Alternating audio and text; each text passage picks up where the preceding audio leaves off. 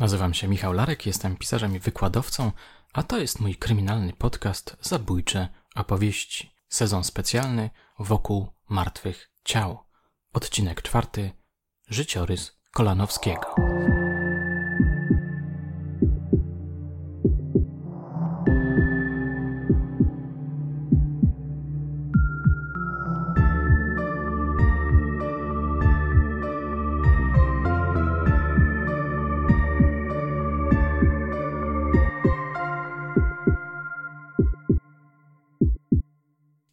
Wszystkich bardzo serdecznie w przedostatnim odcinku serii poświęconej drugiemu wydaniu Martwych Ciał.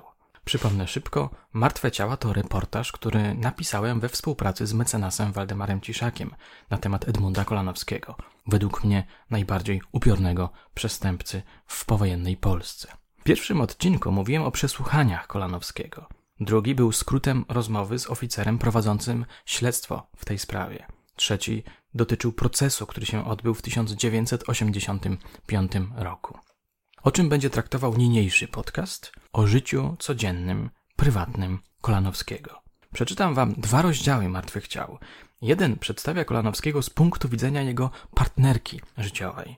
Drugi jest jego biografią zmontowaną z dokumentów stworzonych przez biegłych sądowych, seksuologa, psychologa i psychiatry. Słuchając mojej dzisiejszej opowieści, będziecie świadkami procesu formowania się morderczego umysłu. Zatem do dzieła.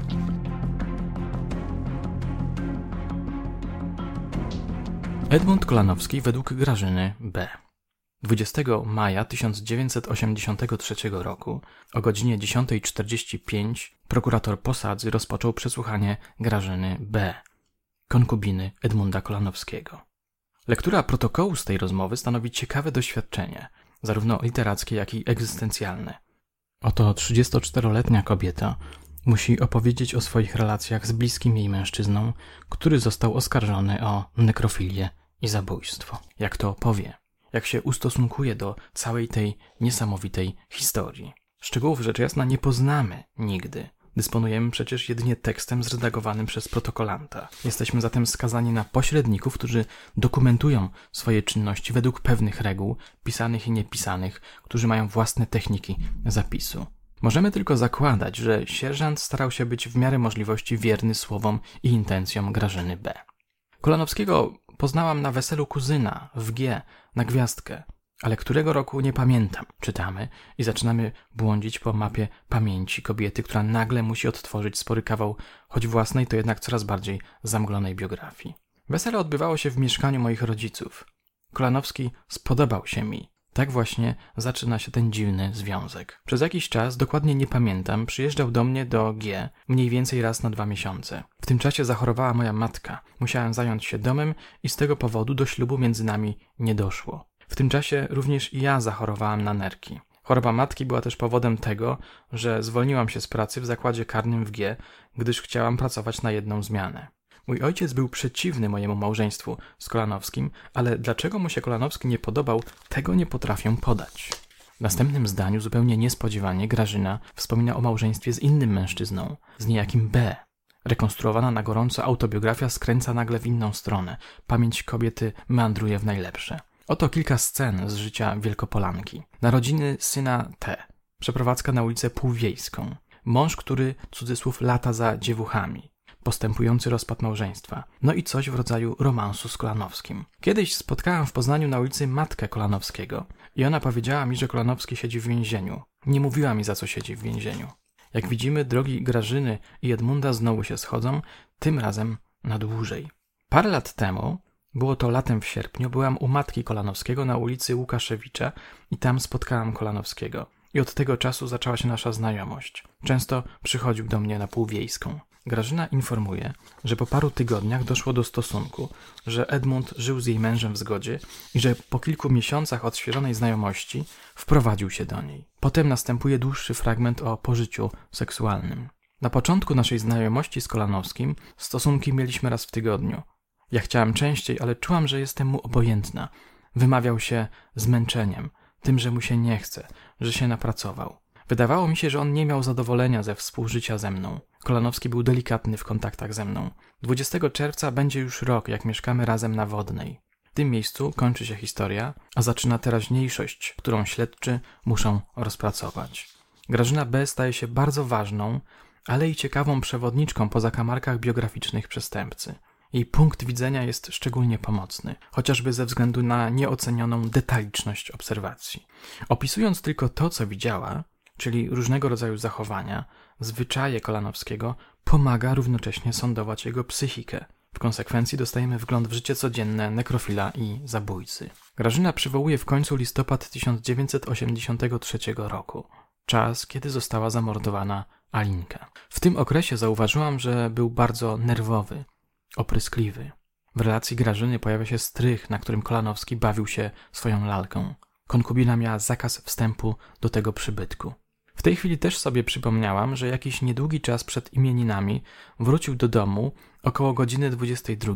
Miał opiaszczone brązowe spodnie na nogawkach na dole. Pytałam się go, gdzie był, ale mi na to pytanie nie odpowiedział. Zjadł kolację. Była wtedy na kolację kiełbasa krakowska parzona. Może to dziwne, ale jakoś mi to utkwiło w pamięci. Wczytując się w tę bardzo chaotyczną narrację, stajemy się czujniejsi, kiedy mowa jest o wyjściach i powrotach Kolanowskiego. Chcemy go przecież nakryć na gorącym uczynku, chcemy przyśpilić go, gdy wraca z makabrycznych łowów. Wyjazdy Grażyny z Poznania łączymy z wydarzeniami, które opisywaliśmy w pierwszej części książki. Kolanowski działa przecież, gdy konkubina była nieobecna. Szczególnie interesuje nas maj 1983 roku. Pamiętamy przecież, że noc z 6 na 7 maja była przełomowa dla śledztwa. Otóż konkubina była wtedy w rodzinnym G. Kolanowski wręcz wyrzucał mnie z domu, zachęcając mnie do wyjazdu. Chciała mu zostawić Anię, córkę, ale on nalegał, żebym zabrała dwójkę dzieci do G. W protokole nie brakuje więc momentów elektryzujących, ale znajdujemy też akapity wręcz osłupiające. Dokładnie nie potrafię powiedzieć, w którym miesiącu to było, ale było zimno i padał deszcz. Kolanowski wtedy już pracował jako palacz w kotłowni. Kolanowski był wtedy w domu. Ja chciałam wygarnąć popiół z popielnika w piecu kuchennym stojącym w kuchni. Zobaczyłam wtedy w popielniku pipkę nieobłosioną. Zapytałam się Kolanowskiego, co to jest. Wtedy on mnie wypchnął zaraz do pokoju i zabronił mi wychodzić z pokoju. Po krótkim czasie poczułam smród i musiałam otwierać okna. Wyszłam z dziećmi na spacer, a Kolanowski został w mieszkaniu. Szkoda, że nie możemy zobaczyć tego fragmentu przesłuchania na żywo. Jak to wyglądało? Jak brzmiało? Czy Grażyna była spokojna, czy nerwowa? Zdawała sobie sprawę z tego, co mówi, czy też nie? Jak w ogóle człowiek powinien się zachować w takiej sytuacji? No i jak przyjmowali te słowa przesłuchujący Grażynę mężczyźni? Chodził jakiś załamany, nerwowy, palił papierosa za papierosem. Załamany, nerwowy, dlaczego? Wyrzuty sumienia? Strach przed karą? Rozpacz z powodu swoich niebezpiecznych skłonności? Czy to popęd seksualny tak Kolanowskiego męczył, tłamsił, dołował? A może chodziło o zupełnie coś innego? Nie potrafię określić, po jakim długim czasie, gdy wróciłam z zakupami do domu, poczułam znowu smród. Opowiada dalej Grażyna. Kolanowski był wtedy w domu. Miał on na sobie półgolf popielaty. Powiedziałam mu, że ten sweter śmierdzi trupami. On mi na to odpowiedział, że jestem popieprzona. Czułam smród dochodzący z pieca kuchennego. Zajrzałam do niego i zobaczyłam tam w popielniku pipkę. Leżała ona jakby w niezawiniętym papierze, pomieszana z popiołem. Pipka była owłosiona. Dotykałam jej za pośrednictwem pogrzebacza. Kolanowski natychmiast kazał mi ubrać dzieci i pójść z nimi na spacer do parku. Po pewnym czasie Kolanowski przyleciał do nas do parku. Poszliśmy razem na krem do baru kawowego i wróciliśmy do domu. W domu jeszcze śmierdziało, choć okna były otwarte. Gdy wróciliśmy z tego spaceru, to Kolanowski powiedział mi, że jak komukolwiek o tym powiem, to mnie zabije. Później nawet raz, gdy leżeliśmy w łóżku, dusił mnie za szyję i musiałam przyrzec mu, że nikomu nie powiem, nawet koleżankom. Po jakimś czasie, dokładnie nie potrafię powiedzieć, w piecu kaflowym znalazłam jedną pierś kobiecą, dość dużą. Powiedziałam Kolanowskiemu o tym znalezisku. Powiedział, że nie mam się wtrącać, bo to nie moja sprawa. Nekrofil idzie z rodzinką na krem do kawiarni. Kobieta odnajduje w piecu ludzkie szczątki, które przyniósł do domu jej partner, a potem wybiera się na spacerek po parku. Po rodzinnej przechadzce Edmund poddusza Grażynę, a potem udają się na spoczynek. Niewiarygodne. Bałam się Kolanowskiego, bo miał takie dzikie oczy.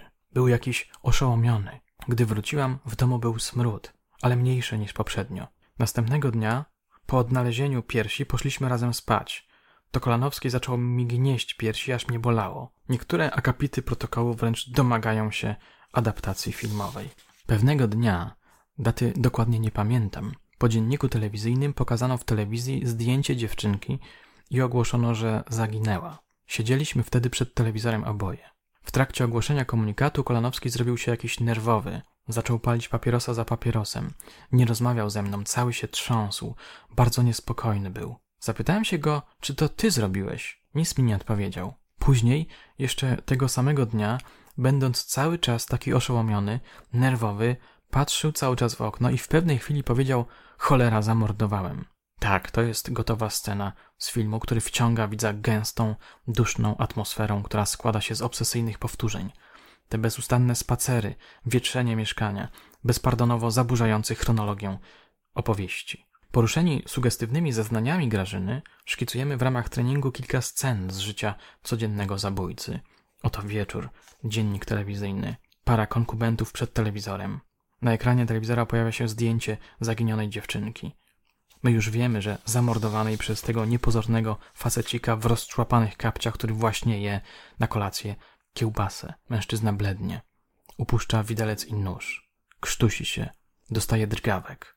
Znamy je z opowieści Jakubowskiego i Smolarka. Po chwili sięga po paczkę papierosów. Z trudem zapala. To ty ją zabiłeś? Pyta ona. Chyba cię popieprzyło. Odpowiada on i wypuszcza nerwowo. Dym. Cięcie. Kuchnia. Ona siedzi przy stole i pije herbatę ze szklanki w koszyczku. On stoi w oknie, wpatrując się w nie jak zaczarowany. Cholera mówi. Zamordowałem ją. Co? Zamordowałem ją. Cięcie. Dość. Wracamy do akt. Protokół z przesłuchania kończy się ważnym dodatkiem. Dodatkowo zeznaje, że gdy wróciłam ostatnio w maju 1983 roku z G i zauważyłam u Kolanowskiego podrapania na nogach i na twarzy, to on powiedział mi, że bił się z kolegami na dancingu.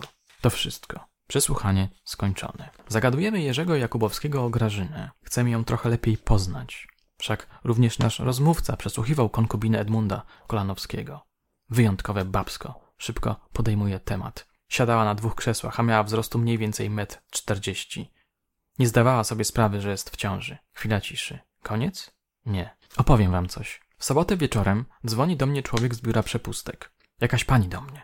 Kto? Pani Grażyna B. Dokładnie kiedy to było, nie pamiętam. Na pewno po aresztowaniu Kolanowskiego. Czego ona może chcieć? Okazało się, że przyszła z kandydatem na męża. Chciała zapytać mnie, czy zgodzę się na jej za mąż pójście. Byłem ciekaw palanta. Przyprowadziła go. Wszedł facet ubrany normalnie w garnitur z krawatem. Przepytałem go. To był jakiś stolarz ze Swarzędza.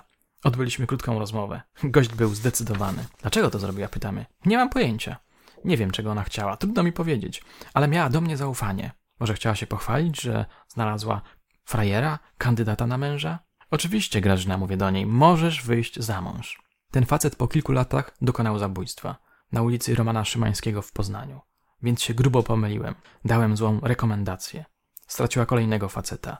Być może oddziaływała na mężczyzn jak jakaś femme fatale.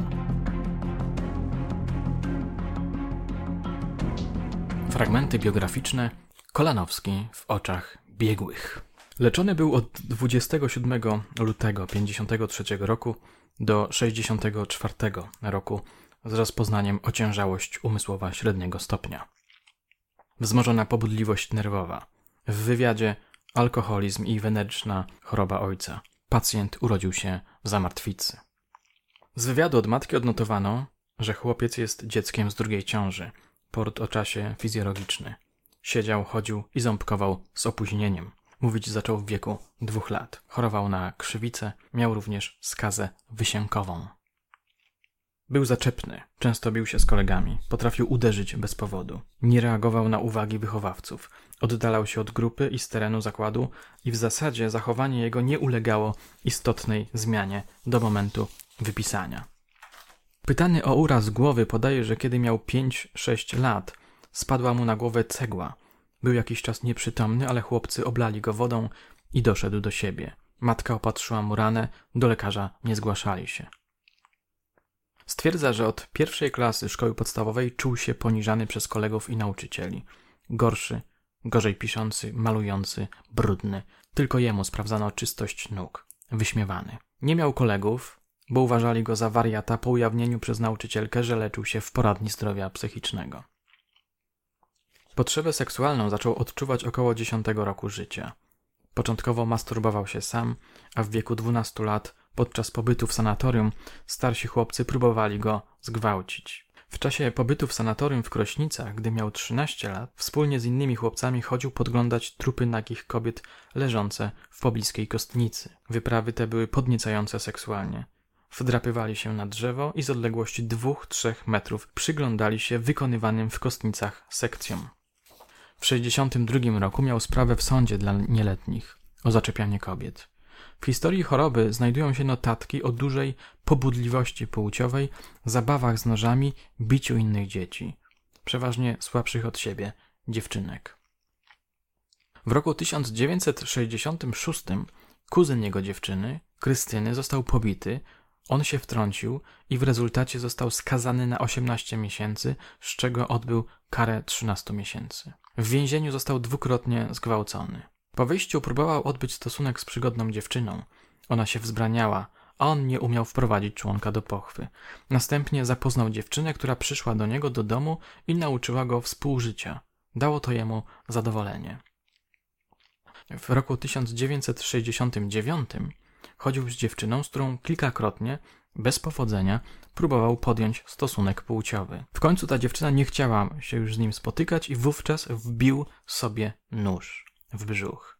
Nie umie wyjaśnić, dlaczego to zrobił. Dziewczynie odgrażał się, że jak nie będzie z nim chodzić, to może jej się coś przytrafić, a ona wiedziała, że ja zawsze będę chodził z nożem. W 1969 roku miał wypadek przy pracy. W czasie montażu regału magazynowego spadł mu na głowę kilkugramowy kątownik. Podaje, że w latach 1965-1969 kilkakrotnie podejmował próby samobójcze poprzez trucie się tabletkami z powodu nieudanych stosunków seksualnych z dziewczynami. Podaje, że potrzebę rozładowania seksualnego odczuwa niekiedy codziennie, a niekiedy raz na tydzień. Zawsze, jak pamięta, lubił chodzić na cmentarz. Myślał wtedy o kobietach leżących w ziemi i to go podniecało. Zdaje sobie sprawę, że jest zboczony seksualnie. Z uśmiechem mówi o tym, że wie, iż takiego przypadku dotychczas w Polsce nie było. Liczy się z najwyższym wymiarem kary, ale ta myśl nie przeraża go, szczególnie teraz, gdy dowiedział się, że konkubina wyszła za mąż. Nie odczuwa wyrzutów sumienia z powodu dokonanych przestępstw, a w szczególności zabójstwa. Zastanawia się jedynie chwilę nad zabójstwem dziewczynki. Pierwsze doświadczenia seksualne Kolonowskiego przebiegały w warunkach szczególnych. Obiektami służącymi do fantazji seksualnych były zwłoki kobiet i marzenia o swobodnym manipulowaniu nimi. Można przyjąć, że wtedy właśnie nastąpiło w wyobraźni badanego uprzedmiotowienie kobiety i sprowadzenie jej atrakcyjności wyłącznie do anatomicznych cech płciowych. Ten pierwszy schemat reakcji seksualnych badanego ulegał później dalszemu rozwinięciu. Faza, w której podejrzany napadał na kobiety, aby je dotykać, obmacywać, a później masturbować się z tymi wyobrażeniami, wskazuje na kolejny etap rozwoju specyficznego fetyszyzmu narządów płciowych. Napady na kobiety w celu ich obmacywania również były nie w pełni satysfakcjonujące ze względu na krótkotrwałość kontaktu oraz wynikające stąd zagrożenie prawne.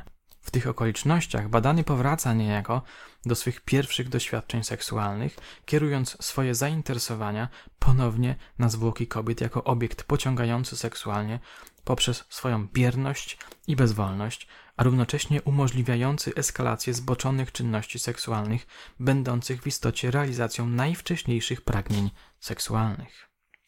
W biografii podejrzanego wyraźnie rysują się jego egoizm i egocentryzm jako wyraz niedokształconej uczuciowości wyższej, płytkie kontakty emocjonalne z otoczeniem, nastawienie na zaspokajanie własnych potrzeb i zachcianek, bez wnikania w odczucia innych osób, skłonności do krytycznej oceny do otoczenia, przy braku zdolności do krytycznej samooceny, potrzeba imponowania otoczeniu przy znikomych możliwościach jej realizacji, niski próg tolerancji na frustrację, skłonność do szantażu typu histerycznego itp. Świadek Zygmunt D. zeznał, że Kolanowski wyraził się kiedyś, poddenerwowany zatargiem konkubiny z sąsiadem, jak będzie skakał, to on go załatwi, bo mu wolno zabić jednego w roku. W lipcu lub w sierpniu 72 roku miałem przypadek wykopania zwłok kobiecych z grobu na cmentarzu w Miłostowie. Zrodził się u mnie taki pomysł, aby wykopać zwłoki. Trudno mi jest określić, co było powodem tego. Przystępując do odkopywania grobu, byłem już w podnieceniu. Dopatrzeć się można następującego przebiegu formowania się zboczenia kolanowskiego. Samotna masturbacja, onanizowanie się w grupie chłopców, także wzajemne i pierwsze uwarunkowanie podniecenia seksualnego oglądanymi zwłokami kobiet. Oglądactwo, fetyszyzm, gdzie fetyszyzmem były pierwotnie części garderoby damskiej. Potem krocze kobiety z marginalnymi w międzyczasie elementami transwestycyzmu i pigmalionizmu, aż do ukształtowania się jego szczególnej skrajnej postaci nekrofilii.